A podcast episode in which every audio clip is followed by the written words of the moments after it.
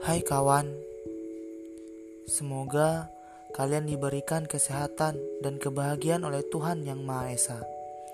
Apa kalian tahu keluarga? Pasti banyak yang menjawab, keluarga adalah suatu unit terkecil dari masyarakat yang terdiri dari ayah sebagai kepala keluarga, ibu, dan juga anak. Mungkin bisa jadi keluarga adalah sekolah pertama kita sebelum kita masuk pendidikan formal.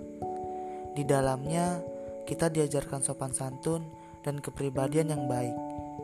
Mungkin ketika kita telah masuk masa remaja, keluarga juga bisa tempat untuk diskusi pelajaran dan juga sebagai tempat curhatan masalah pribadi. Betapa indahnya bukan bisa merasakan kehangatan di dalam keluarga. Jikalau kehangatan itu hilang, pasti seluruh anggota keluarga akan merasakannya, tidak terkecuali anak.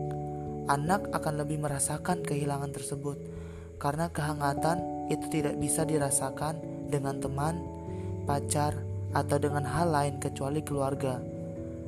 Maka jagalah keluarga kalian sebaik-baiknya, karena bukan ayah dan ibu yang merasakan kehilangan, akan tetapi anak akan merasakan dampak yang lebih besar dari kehilangan tersebut.